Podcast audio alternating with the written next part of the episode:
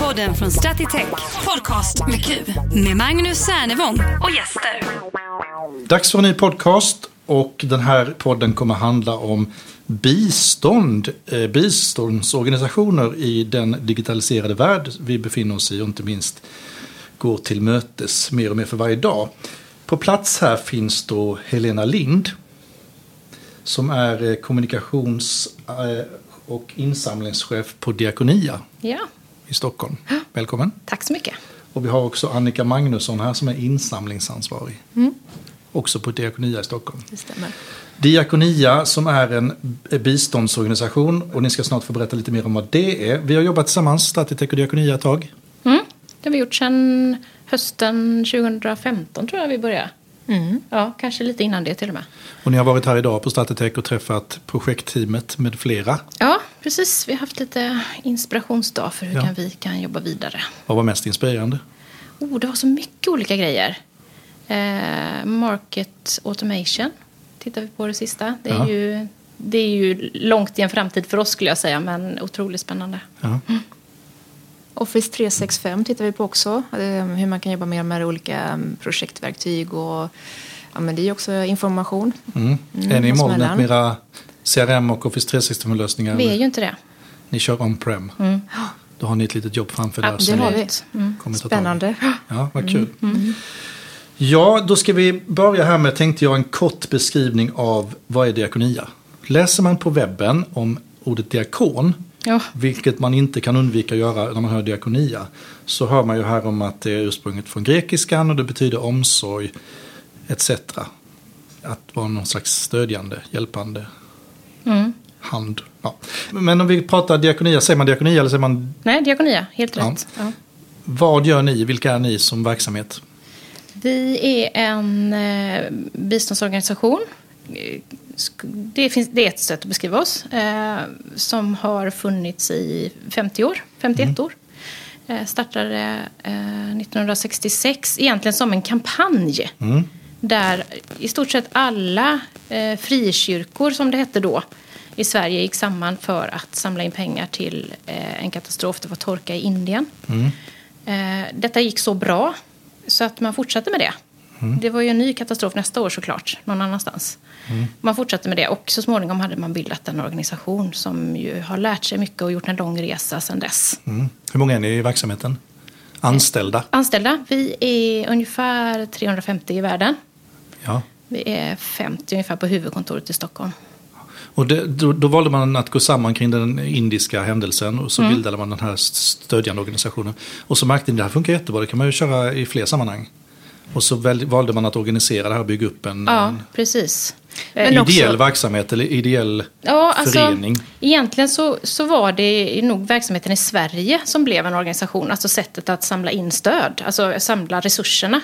Eh, att kyrkorna organiserade sig på det här sättet och gick ut till alla sina medlemmar och bad dem att hjälpa till.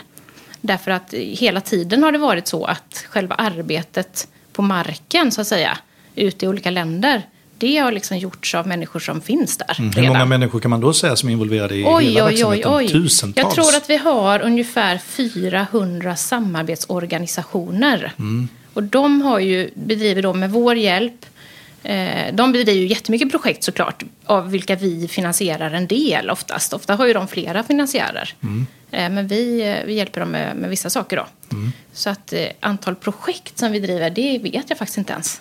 Många. Eh, det är en ideell verksamhet, för, eh, förening. Det är inte så lätt att gå in på eh, webben och se hur mycket verksamheten omsätter. Är det inte det?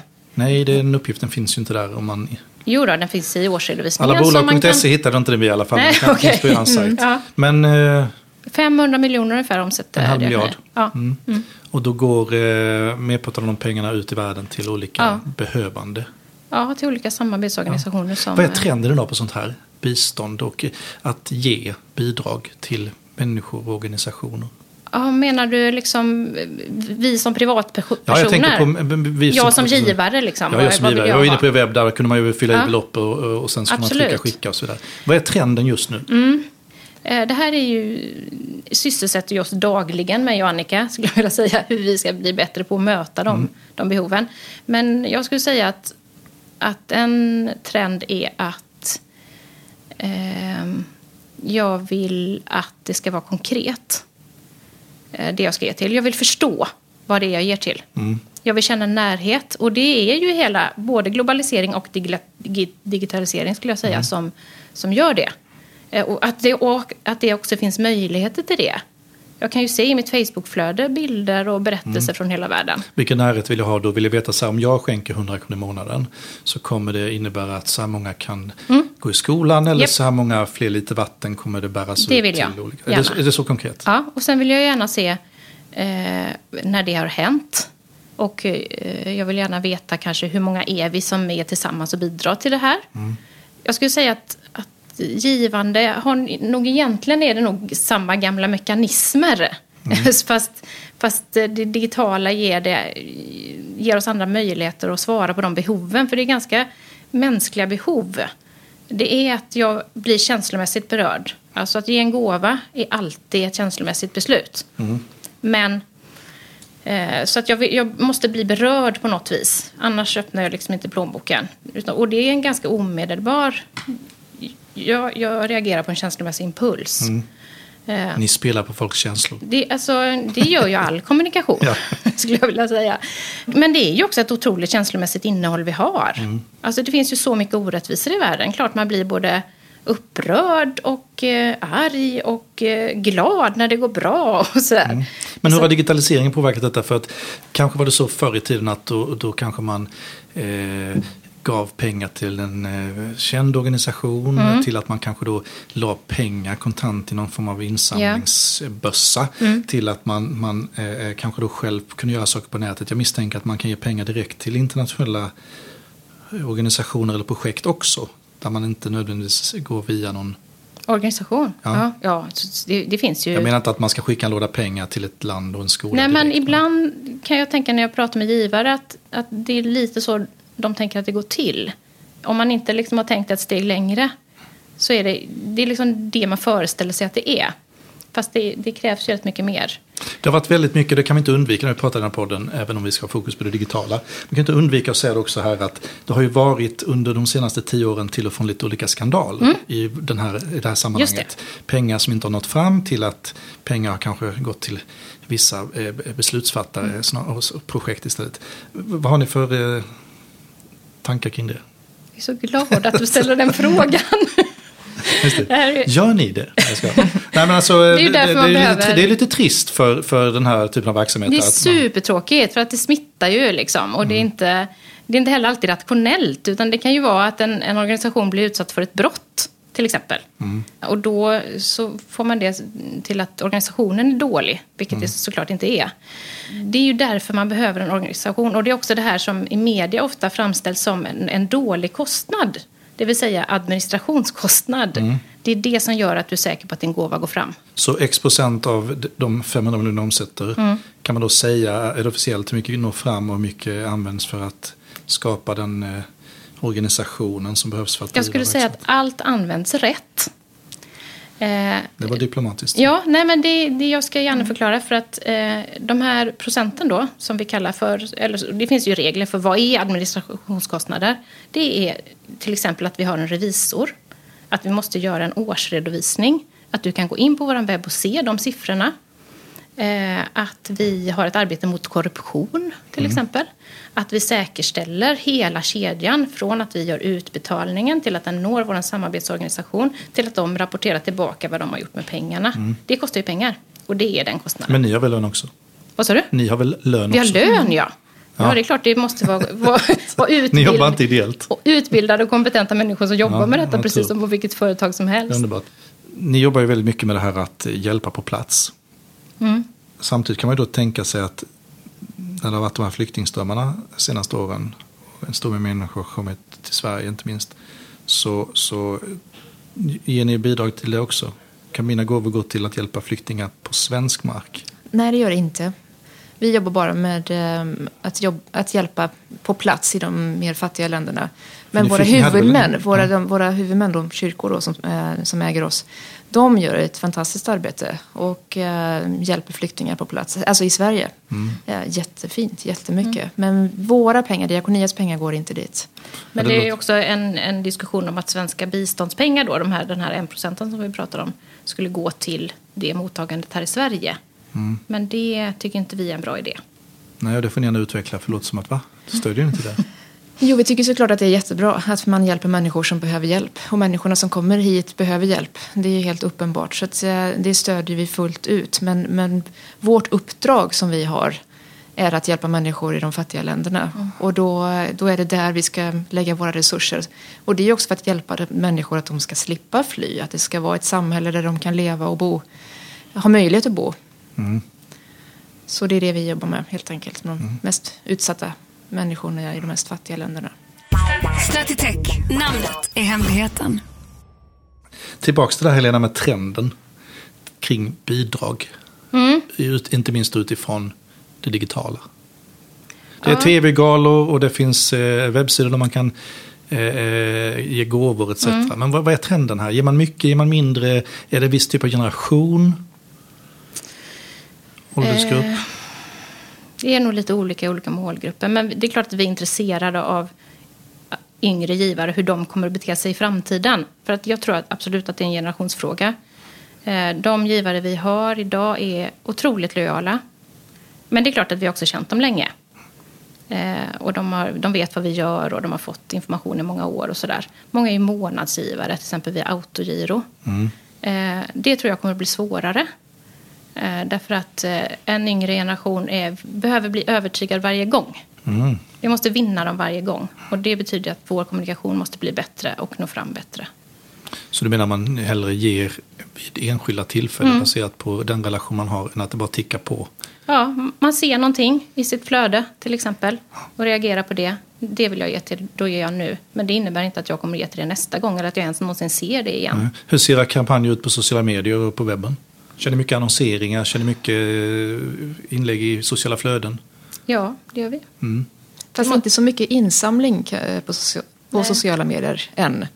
Ja, men det kommer säkert i framtiden. Mm. Jag skiljer inte då på insamling. Jag säger, det det jag Nej. säger fel här. Helt enkelt att insamling är en sak och Kommunikation kanske, bara berätta vad vi Ja, gör för Ja, det är någonting. mer återkoppling Ja. liksom, till, eh, till... Det är berättelsen om vad vi åstadkommer. Och det är ju såklart både givare och icke-givare som ser det. Men, Och sen ibland känner jag på tv, Världens barn var ni engagerade för Mm. ett tag sedan. Då är det någon tv-show med massa artister och någon trevlig Mm. moderator och sen så kan man ringa in eller smsa in pengar. Mm.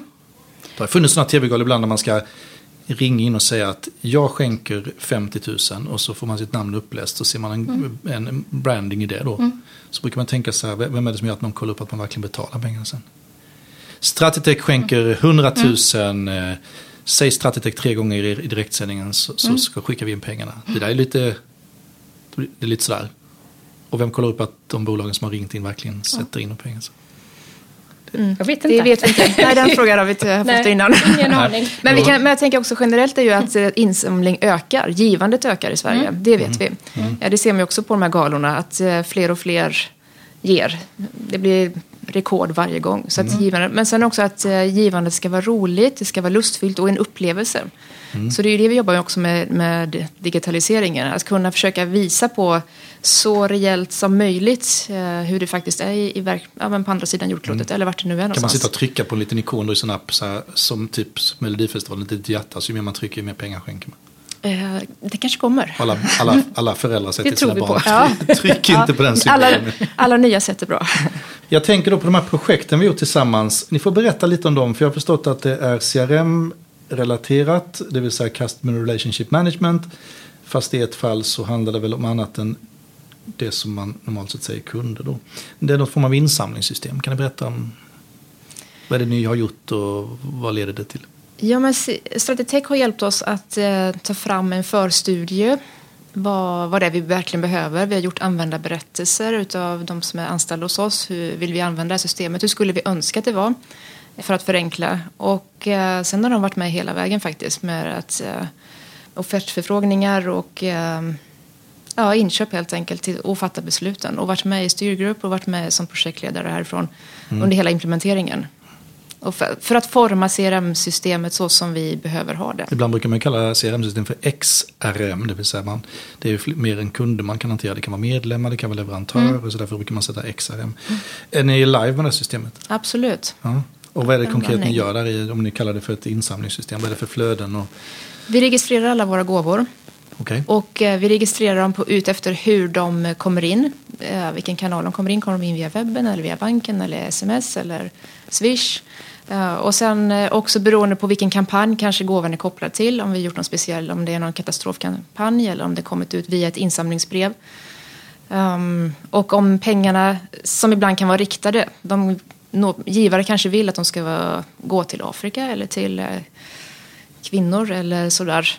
Nu förespråkar vi att våra pengar ska gå till de generella arbetet så vi kan placera ut dem precis som där det bäst behövs.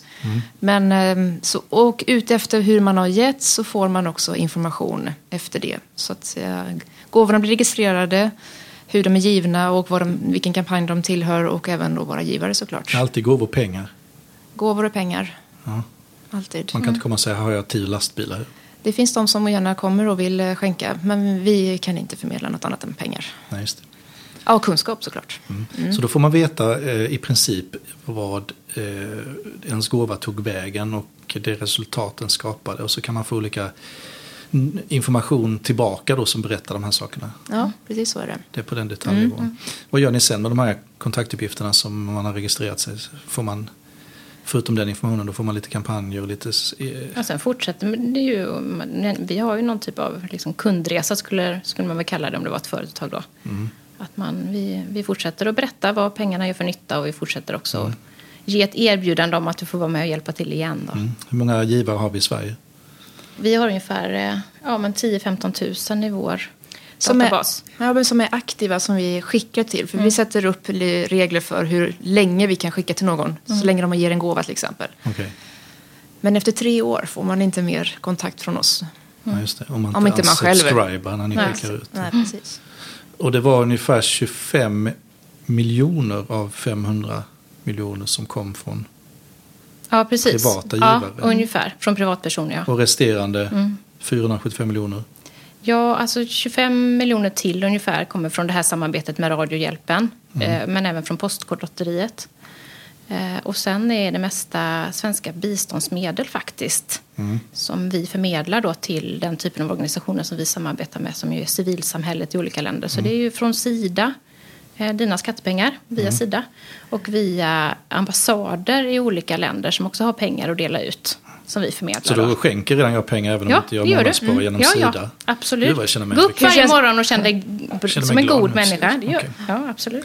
Vad innebär det? Ni har ju de här två huvudmännen bakom er, Svenska Alliansmissionen och Equmeniakyrkan. Eh, Equmeniakyrkan som är någon slags eh, eh, samling av missions, baptist och metodist. Mm. Eh, vad innebär att de här är huvudmän bakom verksamheten? Det innebär att det är ju de kyrkorna som är kvar av de som en gång startade Diakonia då kan man säga.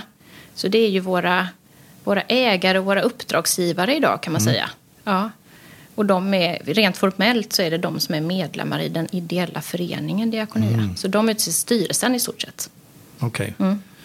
Men det är inte så att deras aktiviteter som de gör gentemot sina medlemmar, att de också nyttjar Diakonia som organisation för att Nej, det är ganska skilt. Däremot så är ju deras medlemmar en väldigt viktig målgrupp för oss, såklart. Eftersom det är ju de i slutändan som är våra, våra uppdragsgivare och som, eh, som ju också är en stor del av våra givare såklart kommer ifrån. Man får inte prata religion och politik när man träffar folk, i alla fall inte i anställningssammanhang. Och vi har inte kommit hit i podden ännu att jag försöker anställa er, vet det senare. Men eh, ni, ni, ni kommunicerar frekvent att eh, er organisation bärs upp av kristna värderingar. Eh, är det ett eh, högt kristet engagemang i eh, verksamheten som anställd eller är det helt två olika saker? Nej, det är väldigt olika saker. Det är ju, det är ju samma för oss så att säga, när vi ska anställa. Vi frågar inte heller den frågan. Och det är inte heller särskilt relevant. Det som är relevant är ju att vi delar uppfattningen att alla människor är lika värda.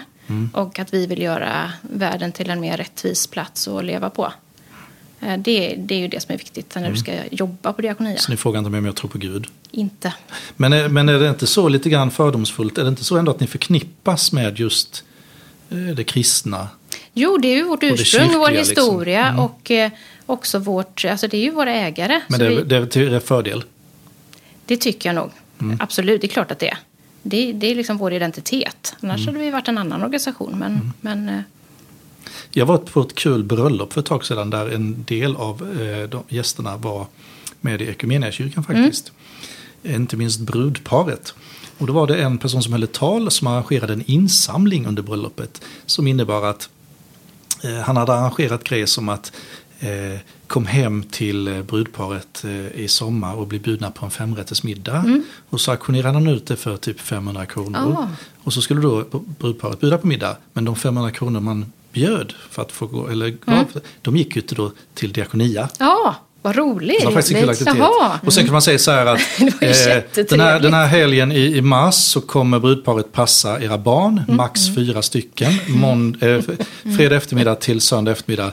Det är 750 kronor, vem tar den? Och så var det någon som så bjöd de på den och så kanske den landade på 1200 och så gick de 1200 till Ja, diakonia. det är jätteroligt. Det var lite kul faktiskt. Ja, verkligen Det var en riktig show. Det kanske man skulle köra eh, fler aktiviteter. Jag får, jag får rippa den ett- absolut. Ja. Ja. Du nämnde lite andra grejer här innan, Helena. Du nämnde eh, postlåd, post, postkodslotteriet. Lotteriet, ja. Vi är ju då förmånstagare till Postkodlotteriet. Postkodlotteriet är ju en, jättestor aktör idag när det gäller att eh, finansiera ideell verksamhet Mm. i Sverige.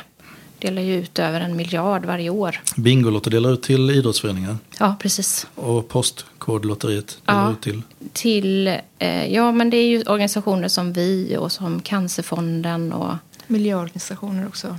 m- miljö också. Ja. Ja. Mm, WWF och Så det är en av anledningarna till att man ska eh, köpa en Det är också, postkod. det är också en slott. jättebra sätt att, att bidra faktiskt. Ja. Jag är lite dålig på det här känner jag. Vissa av de här kuverten åker i... Ja, I det är ju fritt valt alltså om man Ja, vill det. göra det. Jag kan säga till lyssnare att det, det står en bössa framför mig här på bordet där jag ska lägga pengar eh, efter poddens slut. Men det, det mm, s- skämt åsido. Ja, jag, jag är jättenyfiken på den fortsatta diskussionen här om det digitala. Nu har ni kört in ett insamlingssystem och nu har ni fått inspiration kring marketing automation. Och nu tittar ni på kundresan och liknande. Vad, vad ser ni framför här nu närmsta åren kommer hända? Och det, det, det, ni, om ni säger detta i podden så innebär det inte att vi ringer er imorgon och försöker sälja det till er. Kanske ringer vi nästa vecka. Men alltså vad ser ni framför er här då? Och hur långt har Diakonia kommit i den digitala resan jämfört med många andra i eran bransch, Bransch. om jag får kalla det för det? Det är svårt att veta. Vi har inte koll på, på liksom riktigt Men hur, hur detaljerna. digitaliserade är ni? Rätt så lite skulle jag nog vilja säga faktiskt. Vi, vi känner att vi är väldigt mycket i början. Tror du det är typiskt för biståndsorganisationer, svenska biståndsorganisationer? Möjligen, men, men det finns ju organisationer som är jätteduktiga och som också har mycket mer resurser än vi. Eh, såklart. Som Men vad vill du uppnå längre. här? Är det att jobba effektivare och smartare på insidan och sen bygga någon slags lojalitet här till Mm. givarna vid de här systemen? Eller handlar det om att etablera helt nya flöden för att möta? Både och, faktiskt. Vi har ju lanserat en helt ny, ja men ett eh, nytt varumärke kan man säga nästan i dagarna. Eh, faktiskt som heter People Change the World. Som är ett nytt sätt att ge eh, till Diakonia. Där vi liksom försöker omsätta, man kan nästan säga att det är som en liten hubb. Där vi försöker omsätta de här insikterna till att testa eh, live. Eh, om det nu är så att du som, som givare vill ha en mycket större närhet till ett projekt till exempel. Och jag kan inte erbjuda det till 400 projekt i världen. Eh, men vi har valt tre. Där du kan liksom följa mycket mer i realtid vad det är som händer. Eh, hur din gåva omsätts och du får liksom en annan heter det? typ av People change the world. Ja, precis. Var finns den här tjänsten? Ja, Finns det på er webb nu, Ja, den, den har en egen webb. Som heter Ja, peoplechangetheworld.org. peoplechangetheworld.org. Den har egen Facebook och Okej. egen Insta också. Så där skapar ni nischade paketeringar då för Ja. olika målgrupper. Ja, det gör vi. Och på vilket sätt är det skillnad då? Då vet jag ännu mer vad, vad mitt bi- bidrag, min gåva tar vägen. Mm. Det blir tydligare eh, därför att det är, är färre projekt eh, och vi kommunicerar på ett annat sätt. Eh, och det är nästan uteslutande digital kommunikation också. Eh, till, till våra befintliga eller eh, givare så kör vi mycket analogt fortfarande. Mm. För det är också det som ger resultat. Ett insamlingsbrev med inbetalningskort. Mm. Det är ett jättebra sätt att bygga lojalitet. Eh, Men vi måste ju också testa nya former. Men det är klart, del av det också eh, förändras ju med den föryngring. Ja, Vi precis. ser när folk är födda det digitala och sen kommer att Ja. vara i medelåldern. Och, Jo, men vi har gjort research på detta också. Vi frågar ju givare liksom, hur vill de ha det. Mm. Och eh, eh, de som är födda på, på 80-talet och senare, de vill inte ha något hemma i brevlådan. och eh, hur ser ni framför er då? Hur kommer det här se ut när ni, eh, ni jobbar med någon slags vision här digitalt? Då, eller? Och vad ser ni framför er närmsta fyra, fem åren? Det, det är lite risky, tänker jag, att jobba med vision. Eftersom det här arbetssättet som vi jobbar med nu är ju jättemycket att testa sig fram. Mm. Att hela tiden vara nära givaren, fråga vad de vill ha, testa vad som funkar. Så att vi har ingen jättestor vision, mer än att vi vill, eh, vi vill testa nya sätt att bli bättre på det. Mm, det är jättebra. Ni jobbar lite mer iterativt och Ja. inkrementellt. Ja. Men, men ni ser framför er någonstans ändå när ni nu inspireras kring de här nya ämnena och ni bygger vidare på ett system. Ni ser ju någonstans framför er hur den här målbilden ska se ut Ja. närmsta tiden. Och inte minst vad det ska ge för resultat. Men vi tänker oss såklart att vi, har, att vi ska börja, inte minst internt, att vi ska börja jobba eh, mer utifrån en CRM-strategi som vi har tagit fram.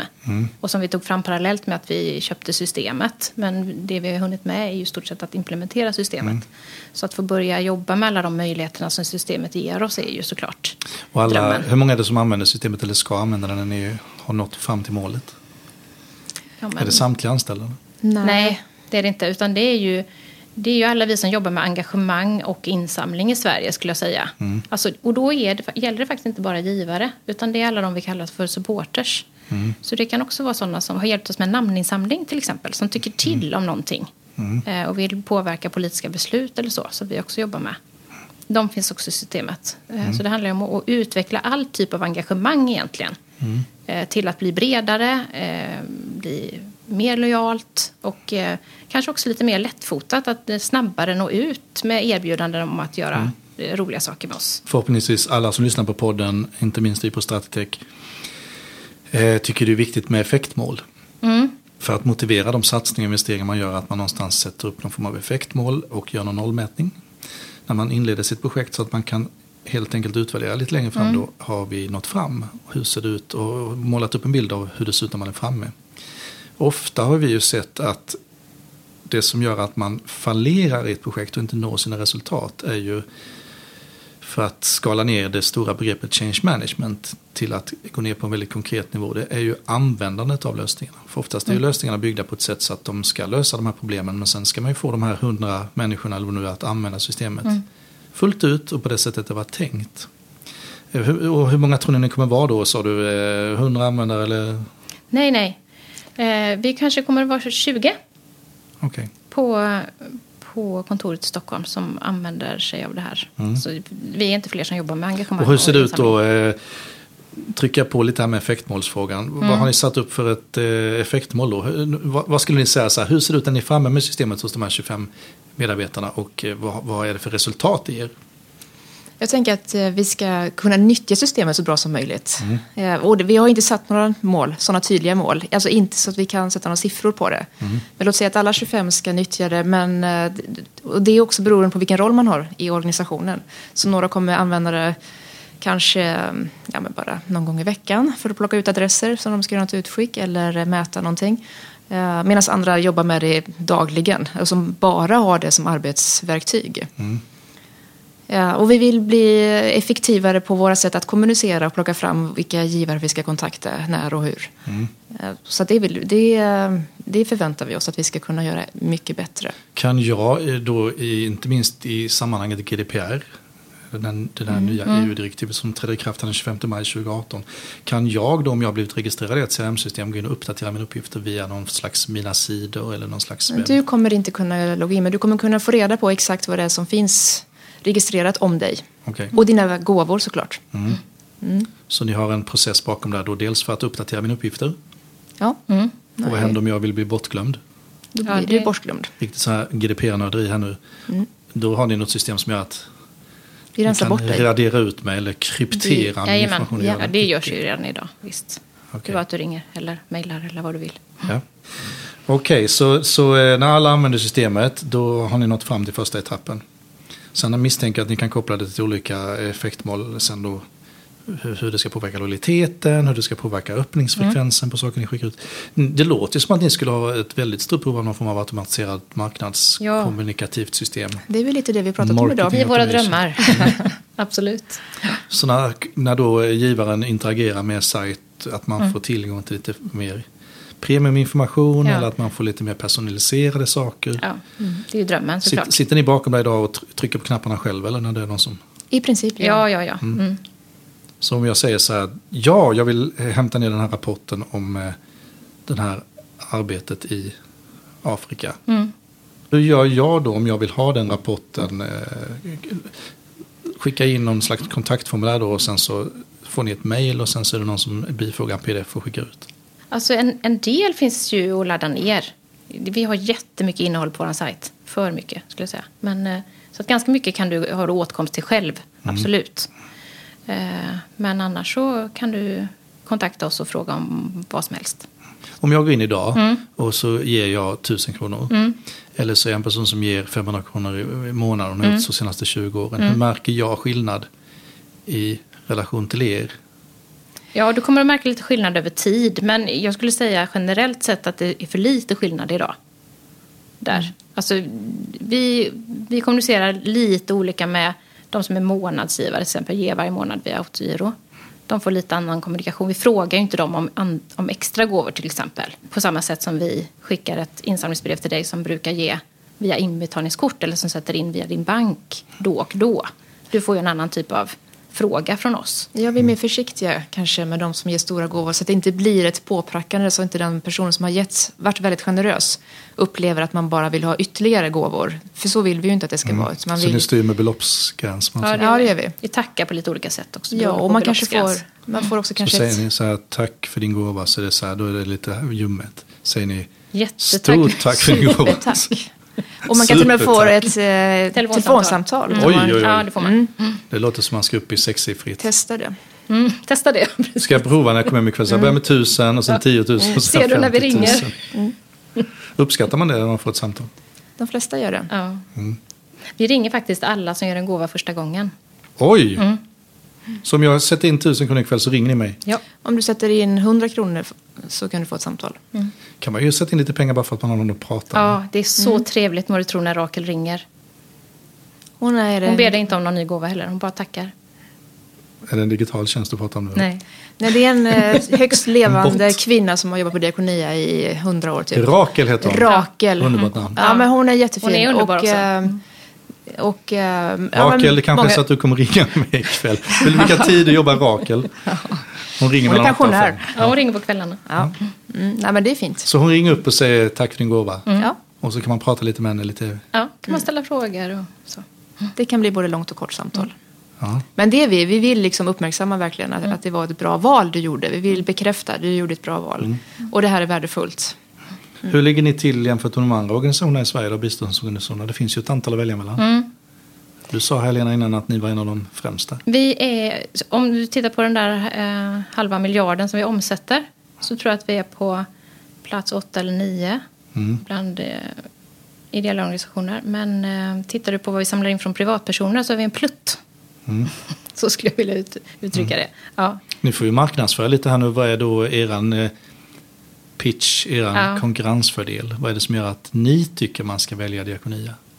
Jag skulle säga att det allra bästa med Diakonia det är att vi utgår ifrån människor som själva har koll på vad som behövs i deras sammanhang och har funderat ut en supersmart lösning på det eh, som de ber oss hjälpa till att lösa. Därför att resurserna har inte de, men det har vi.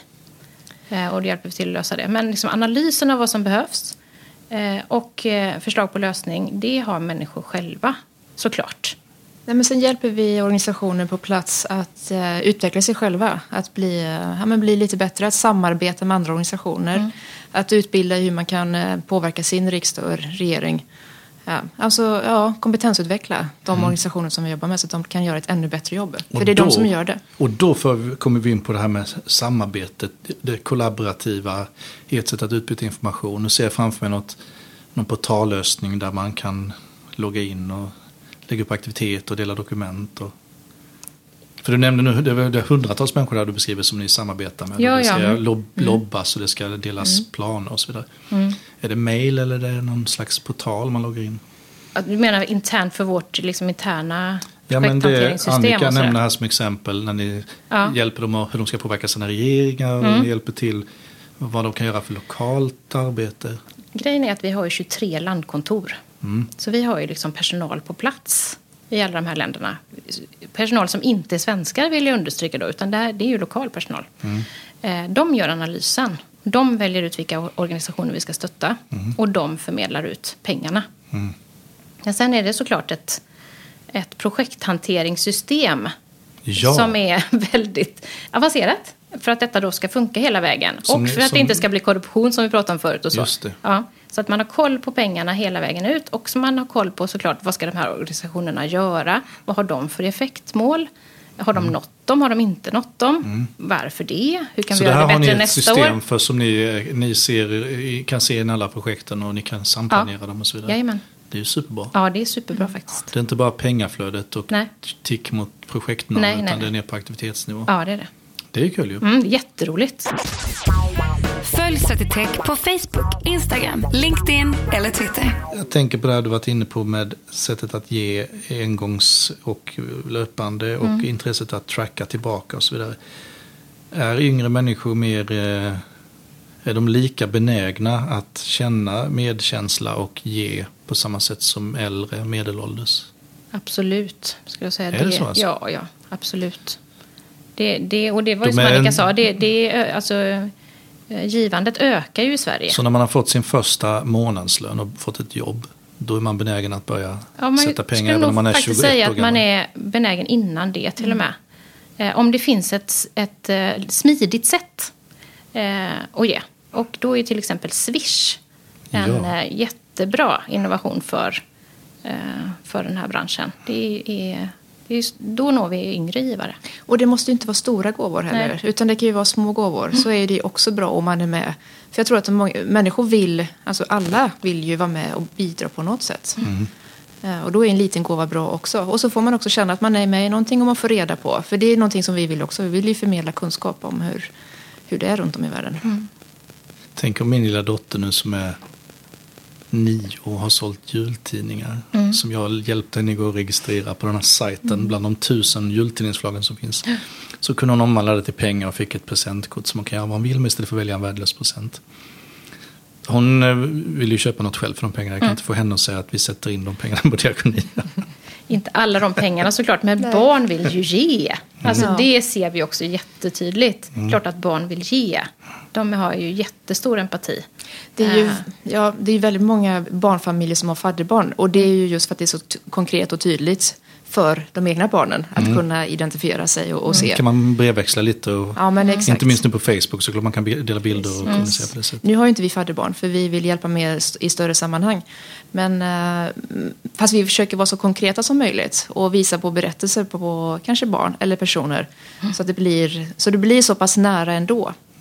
Att man känner att man faktiskt gör en skillnad. Om vi har ett projekt i det här eh, People Change the World nu till exempel. Ett av de projekten är att eh, flickor får lära sig att cykla i Bangladesh. För där får nämligen inte flickor cykla. Och då handlar det såklart inte bara om att flickor ska få cykla. Eh, utan det handlar ju om eh, flickors och kvinnors rättigheter i Varför, stort. varför får de inte cykla? Ja, men precis. Då bör man ju fundera över det. Varför får de inte cykla? Eh, de får inte ta sig någonstans egentligen utan manligt sällskap. Okej, det ligger lite djupare där. Ja, det ligger mycket djupare. Men, Får man cykla med manligt sällskap? man, man får, men om man kan cykla, då kan man få ge sig ut själv. Och då är det så att då kan man också, då måste man, alltså, det är precis som i Sverige, att den, den eh, småskolan kanske ligger nära. Så det, många flickor går i skolan, eh, nästan alla. Men de slutar tidigt, därför att högstadiet ligger längre bort. Och då kan de inte ta sig dit för att de måste ha manligt sällskap. Men om de kan cykla så kan de ta sig dit och kan de fortsätta i skolan. Och då är det också så att då minskar risken att de ska bli bortgifta tidigt jättemycket. För då är de liksom inte en belastning för familjen utan man ser att de tar sig, tar sig fram i livet. Så att Pratar vi om att få cykla eller pratar vi om att kan cykla? både och. Både och, såklart. Först måste de ju kunna cykla. Men för att de ska få lära sig cykla så måste man också påverka familjerna, skolan, alltså skolpersonalen, kanske lokala beslutsfattare i byn eh, och samhället runt omkring. Så det blir väldigt konkret. Ser man ert eh, Diakonia eh, varumärke, är det ju trots allt också, ser man det på vissa eh, projekt ute i världen? Mm. Ja, Har ni ute- flaggor som vajar och skyltar på husen? Jag tror att, att våra samarbetsorganisationer är nog bättre på det än vi själva Ja. ibland faktiskt. Så det är samarbetsorganisationen som blir den som personen möter när man Ja. kommer till en skola, när Ja. man kommer till något Ja, ställe. precis. Mm, så är det. Det är inte så här powered by Diakonia. Nej. Nej, det är det inte. Nej, och People jag tänker att vi kan också berätta att, eh, som jag tror Helena nämnde det innan, men de organisationer vi stödjer, de är inte helt finansierade av oss, så att de inte ska vara beroende av oss, utan vi vill att de ska vara självständiga. Men vi stödjer och finansierar de delar som vi tycker är värt och som är, är bra för dem såklart, för vi ser ju till en helhet. Ja, men det, Vem det väljer dem då? Görs det, görs det per regionkontor eller per land? Ja, per land. Per, ja, precis, det är de som väljer vilka de ska samarbeta Mm. De väljer med. vilka de ska. Ja. Hur digitala är de? Landkontoren. Har ni ett projektsystem projektsystemet måste de, och supersofistikerat. ekonomisystemet måste de ju såklart Ja, eh, använda. Men i deras så när de kommunicerar och samarbetar med sina skulle, politiker och andra beslutsfattare? väldigt, väldigt olika beroende på kontext, skulle jag säga. Väldigt olika. Men alltså, Här måste det vara extremt typiskt att olika länder har olika förutsättningar. ja, Ja, vi pratade om uppkoppling. här förut idag. som en utmaning på våra landkontor. Mm. Till exempel om man ska ha ett gemensamt dokumenthanteringssystem. Om det tar fyra timmar att ladda ner ett Word-dokument så har man vissa Nej, då utmaningar. tröttnar man. Då skriver man ett eget. Ja. Men alltså, det digitala som också verktyg i till exempel påverkansarbete som vi pratade om här förut. Alltså, många av de här samarbetsorganisationerna skapar ju kampanjer eller samlar människor, organiserar människor för olika ändamål och sådär. Eh, och då är det digitala jätteviktigt idag såklart. Och Vi har- internet är ju mer eller mindre te- Ja. täcker upp större delen av jorden. Om inte annat så pågår det ett antal Ja, projekt. absolut. Och med, med, nu när allting finns i mobilen så är det också, alltså jag menar i många fattiga länder så hoppar man ju över det här med datorer. Mm, precis, Men, eh, men mobilen eh, och, och ekonomin, särskilt alltså det här med hanteringen av pengar. Det är ju jättemycket digitalt idag, Mm. också i fattiga länder. Jag sålde en skrivare hemma privat för några veckor sedan till en isländsk eh, filmare faktiskt. Okej. På tal om något helt annat. Men han kom med kontanter till mig. Oj, Och jag blev Man jättestörd. vet knappt vad man ska göra med Jag dem. lade min. Mm. kakburk hemma och så tänkte jag så här. Jag har dem där för att om all elektronik Mm. slås ut under en veckas tid i, i, i Sverige så kan jag ändå köpa mat. Ja precis. Det låter som lite Spara så dem där liksom. madrasskänsla. Liksom. Ja. Nej, man blir nästan lite irriterad när de kommer med pengar. Man vet Ja. inte riktigt, jaha, ska jag gå runt med någon slags ficka då? För jag har ingen plånbok längre. Nej. Och så ska jag betala på olika ställen och så finns det kontantkassa och det finns Mm. kortkassa. Och de flesta lär väl höja på ögonbrynen när jag sliter fram en tusenlapp då ska betala lunchen. Liksom. Ja. Det går ju inte ibland. Men eh, förra podden så träffade jag Stena. Mm. En person som jobbar med deras digitala eh, förändring, deras digitala resa. Då var också internet ett problem för att de är ju ute Till havs, på, ha, på havet. Och när de kommer ut på internationellt vatten så gäller ju inte samma regler och lagar som gäller Nej. inom respektive nation. Nej, vad intressant. Vilket också ställer till det med taxor och liknande. Mm. Men eh, hur är eh, mobilanvändandet inom er verksamhet då, hela vägen ut? Nej, men det är ju, alltså, vi har ju datorer såklart för vår personal och så. De har ju datorer. men, men, Jag trodde inget annat faktiskt. Oj, vad mycket fördomar jag har. Ja, Jag tänkte, men sen, jag vill inga jag visste datorer. inte Nu riktigt var du var kulor. Nej, men jag tänker ut, ut i de här olika eh, områdena ni jobbar. Att både, du sa innan att de tar fyra timmar att ladda ner ett Word-dokument. Mm. ja, det, men, men jag, det är olika. mm, men jag ser framför mig ändå att mobiler är ju en statuspryl idag. Många väljer att skaffa en mobil innan de väljer att fylla kylskåpet med kanske den bästa maten. Nu pratar jag Sverige kanske. Jag vet Mm. Ja, inte. jag Men tror alltså, faktiskt att det är väldigt svenskt. Statuspryl tror jag inte så mycket, men, men alltså en, nöd, en nödvändighet för många människor i hela världen skulle jag säga är att ha en mobil idag, därför att det är så mycket som, som sker den vägen. Men hur, hur digitalt mogna är ni då? Nu pratar jag i, person, Helena och Annika. Oh. Alltså jag har ju fyllt 50 va? Ingen av er är född på 80-talet. Nej. Nej, jag brukar Nej, vara men dålig alltså- på att gissa ålder. Ja, men- nej, men man, jag, vi är ju inte, jag är inte född in i det digitala. Nej. Utan har ju ett väldigt tydligt minne av hur det var förr. Eh, Så att jag vet inte. Det är väl sådär. Men hur har du tagit till dig detta då? För du som insamlingschef Mm. eh, chef Ja. och kommunikation. Då, Men jag har ju då, jobbat med det sen det kom så, såklart. Men jag är ju så pass gammal så jag har varit med och gjort den första hemsidan för en organisation till exempel. Ja, så Mm. du, du är bra på det. Nej, det vet jag inte men, men jag försöker. Nej, men vi har ju bra medarbetare som är duktiga som Ja, tur är. Som är yngre än vi. Som, eh, som är yngre än vi och som är mycket Men det handlar ju på. mycket om, om kanalerna. Men Ja. det är ju också en avvägning såklart nu när allting går så fort. Idag måste ju en organisation vara på Facebook till exempel. Mm. Måste man vara på Instagram? Vet inte, kanske. Vilka Eh. sociala kanaler är ni på? För jag såg ett antal. Eh, Vi är ju inte på Sn- Snapchat till exempel. nej, Alltså- då kommer det ju inte bli några bidrag. Nej, eller hur? Måste När ha man Snapchat vara- för att kommunicera Ska man vara med först? Hur, liksom, hur länge ska man vänta? Men det finns på Facebook, det finns på Instagram, Ja. Twitter, Ja. LinkedIn. ja. Så här får ni sitta och skriva, göra ett inlägg fyra gånger för att det ska Mm. nå ut i alla kanalerna. Ja, vi gör olika inlägg för olika kanaler. Ja. Vi, har, vi har insett att... eh, Ni skriver inte alltid 140 tecken. nej, det gör vi inte. Nej, men det är olika trender. Det är som du säger, vad ska man hoppa på först och inte utifrån? Det är ju lite trist att vara Mm. Det är själv i en social också plattform. Ja. Vi har precis eh, lagt ner vår, eh, vårt magasin. Mm. Men vi inser att vi behöver ju analoga produkter. Och då ni hade ett print, ett print Ja. printat tidning. magasin. Vad blev det istället då? Det blir lite olika saker nu Mm. istället. Ni bloggar bland annat. Ja, det gör vi också. Hur är läsandet? Kommenterandet? Vi använder bloggen för ganska olika målgrupper. Så jag skulle säga att det, det beror lite på varje blogginlägg faktiskt. Men vi använder det ganska mycket för eh, ganska smala målgrupper av specifika beslutsfattare kan det vara till exempel. Om vi gör en blogg om eh, fördjupning i klimatfrågan kan det vara. Och då är det kanske vissa väldigt specifika personer man vill nå. Då skickar man en länk till dem. Eller Men det är en blogg, öppen för alla. Men sen det olika teman Ja, som det är att ni det. ritar Precis. ut den. Ja. Ja, eh, vad mer kan vi säga om det digitala? Om vi skulle försöka liksom avrunda här kring eh, er digitala resa. Hur kommer jag som eh, givare märka det ytterligare? Och, eh, ja, hela, när, när, hela den digitala kundresan är på plats. Hur ser det ut då i min interaktion med Diakonia?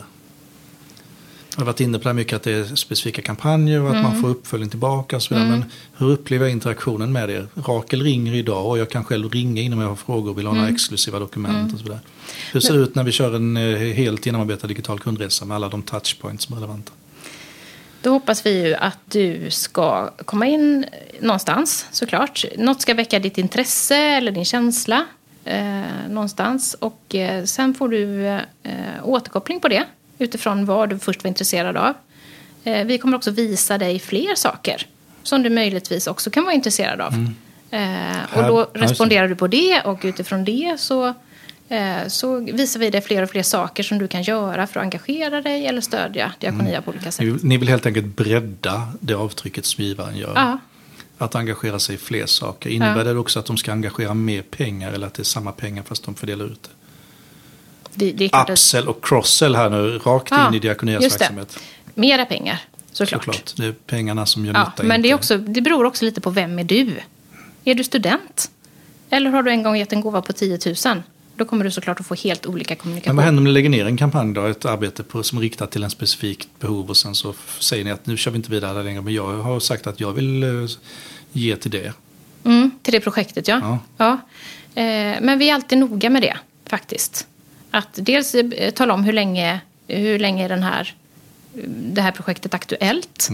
Och att dina pengar går till det här projektet. Men du kommer också stödja eh, andra typer av projekt i Diakonia. Det, vi är jättenoga med det. Mm. Så det är, det är inte så att 100% av min gåva går till ett specifikt projekt som jag själv väljer utan ni kan också ta er har det finns en flexibilitet och en frihet hos er att göra riskspridningen. Ja. Tänker på fonder nu. Kommer Just hem det. brev så här. Ja. Din fond har utgått och ersätts nu med den här. Ja, det, och så orkar man aldrig svara så bara sköts det automatiskt. ja, just det. Får man väl jättedålig avkastning på det sen misstänker jag. Men hos oss får du aldrig dålig avkastning. Nej, det får man inte. Huvudutmaningar, vi ska avsluta med det. Vad är era huvudutmaningar som biståndsorganisation? Ja, men du pratade inledningsvis om eh, hur omvärlden såklart påverkar. Det är ju reellt för oss varje dag Alltså hur världen utvecklas politiskt till exempel. Hur är det politiska tillståndet i olika länder? Det är ju våra stora utmaningar dagligen. Alltså de människor som jobbar på marken i olika länder. Vad står de inför? Det är ju det vi, eh, vi måste försöka lösa på olika sätt. Eh, så att eh, hur världsekonomin ser ut. Eh, Har ni, har ni större politiska utmaningar nu än vad ni hade för 20 år sedan? Det andra, andra utmaningar skulle Typ- säga. Men typ. en, en jättestor trend eh, som vi ser och som vi eh, försöker hantera och, eh, och eh, jag, är rädda för, ska jag inte säga, men alltså som, som känns eh, hotande. Det är ju att eh, regeringar och regimer i många länder drar åt utrymmet för de organisationer som vi jobbar med. Alltså organisationer som jobbar med mänskliga rättigheter, för demokrati och för en bättre utveckling för alla får svårare och svårare att jobba i många länder. Vilken anledning? Ja, det handlar väl om makt. Såklart. Stör de folks eh, hålla sig på De, bänken? eller så här? de stör ju makthavares eh, maktutövning kan man väl säga. Eh, om du är president och det finns eh, ett... Eh, eh, det finns i konstitutionen att du får lov att sitta två perioder. Men nu har du suttit två, du vill gärna sitta en tredje. Då skriver vi om lagarna lite grann här. Eh, och ni som säger emot, ni hamnar i fängelse. Eh, och det är en trend. Och det är också att eh, de här makthavarna lär av varann. Apropå det digitala. Sådana biståndsorganisationer, de kommer in, den, den organisation som jobbar med lokalt, kommer in och skapar möjligheter för folket. Mm. Så kan det finnas ah, politiska krafter som säger att det där är inte alls bra för då får vi hålla på mattan, vi ska inte ha uppstickare här som dessutom gör att vi får det bättre eller kan börja ifrågasätta saker. Absolut. Sverige ger relativt mycket bistånd jämfört med andra länder. Ja, det finns ju en väldigt fin tradition i Sverige med någonting som kallas för enprocentsmålet. Att vi ska ge liksom en procent i... eh, Nu pratar vi utifrån skatteintäkterna. Ja, precis. En procent av... Eh, bruttonationalinkomsten tror jag att det är. En procent, vad ligger vi på idag? Det har nog varit något mindre de senaste typ 10-15 Ja, jag tror åren. jag. 0,99 någonstans. Varför, vi- då, då är vi mer i Sverige, vi är mer solidariska. Vi är mer för att hjälpa än andra länder. Eh, Typiskt svenskt. Vi typiskt svenskt att ge via skatten. Ja, men eh, du nämnde tidigare att vi ligger relativt högt jämfört med andra länder. Ja, det gör vi. Absolut. Den här eh, biståndsbudgeten är nog Ja. ganska så unik. Och det ändrar sig också. Det är också en, apropå trender som du frågade om förut, så är det också en, en trend. Att många länder minskar sitt bistånd och kanske, eh, om, när man pratar om utvecklingssamarbete då med, med fattigare länder, att man pratar om handel istället till exempel. Istället för bistånd.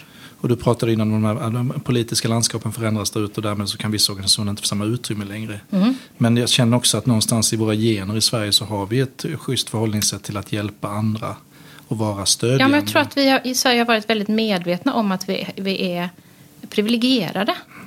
Eh, och att då finns det också en, en skyldighet på något sätt att hjälpa till och ge tillbaka. Men, men, men vi var inne på det här, det blåser en del vindar i världen just nu. Absolut. Sverige har ett engagemang i FN som... Ja, eh, det, det, det är lite läskiga är väl att vi att Sverige som, som står mycket för alltså de här värderingarna med mänskliga rättigheter och så. Jag hör politiker som säger att vi blir mer och mer ensamma om det. Därför att det, det blåser andra vindar och, eh, och sånt som, eh, som vi kanske tyckte var, var självklart. Det här med, med deklarationen om de mänskliga rättigheterna till exempel ifrågasätts idag på ett helt nytt sätt i världen. Så det är också en, en annan eh, trend som man såklart behöver vara Ja, och det på. finns inte som i många andra kvotsystem, det finns ingenting som säger att eh, alla länder inom EU ska ge. nej, nej, det är helt upp, till, helt upp till varje land vad man bestämmer. Just det. Det var utmaningen Diakonias biståndsverksamhet. Tar vi utmaningen digitalt också? Ja, vad är det? Ja, men det är väl att kunna nyttja de system som vi har då. Eller kanske behöver köpa in i det system, det vet jag inte. Vi får se riktigt. Eh, Men att kunna ja, nyttja mer kunskapen om våra givare. Och vad de vill ha för någonting. Så att vi kan anpassa vår eh, kommunikation med dem. Bra. Vad gör ni när ni inte jobbar med det här då? Är det bara att bygga IT-system och jobba på Diakonia och vara en, god, vara en god människa och stå på stabila värderingar? Har ni någon annan hobbys? Vi lever väl liv som alla andra med familjer och vänner och umgänge. Och, Läsa Ja. böcker och gå på yoga. Och... ja. Yoga vill jag lära mig. Meditation är kanske bättre för mig, för yoga måste man vara väldigt vig.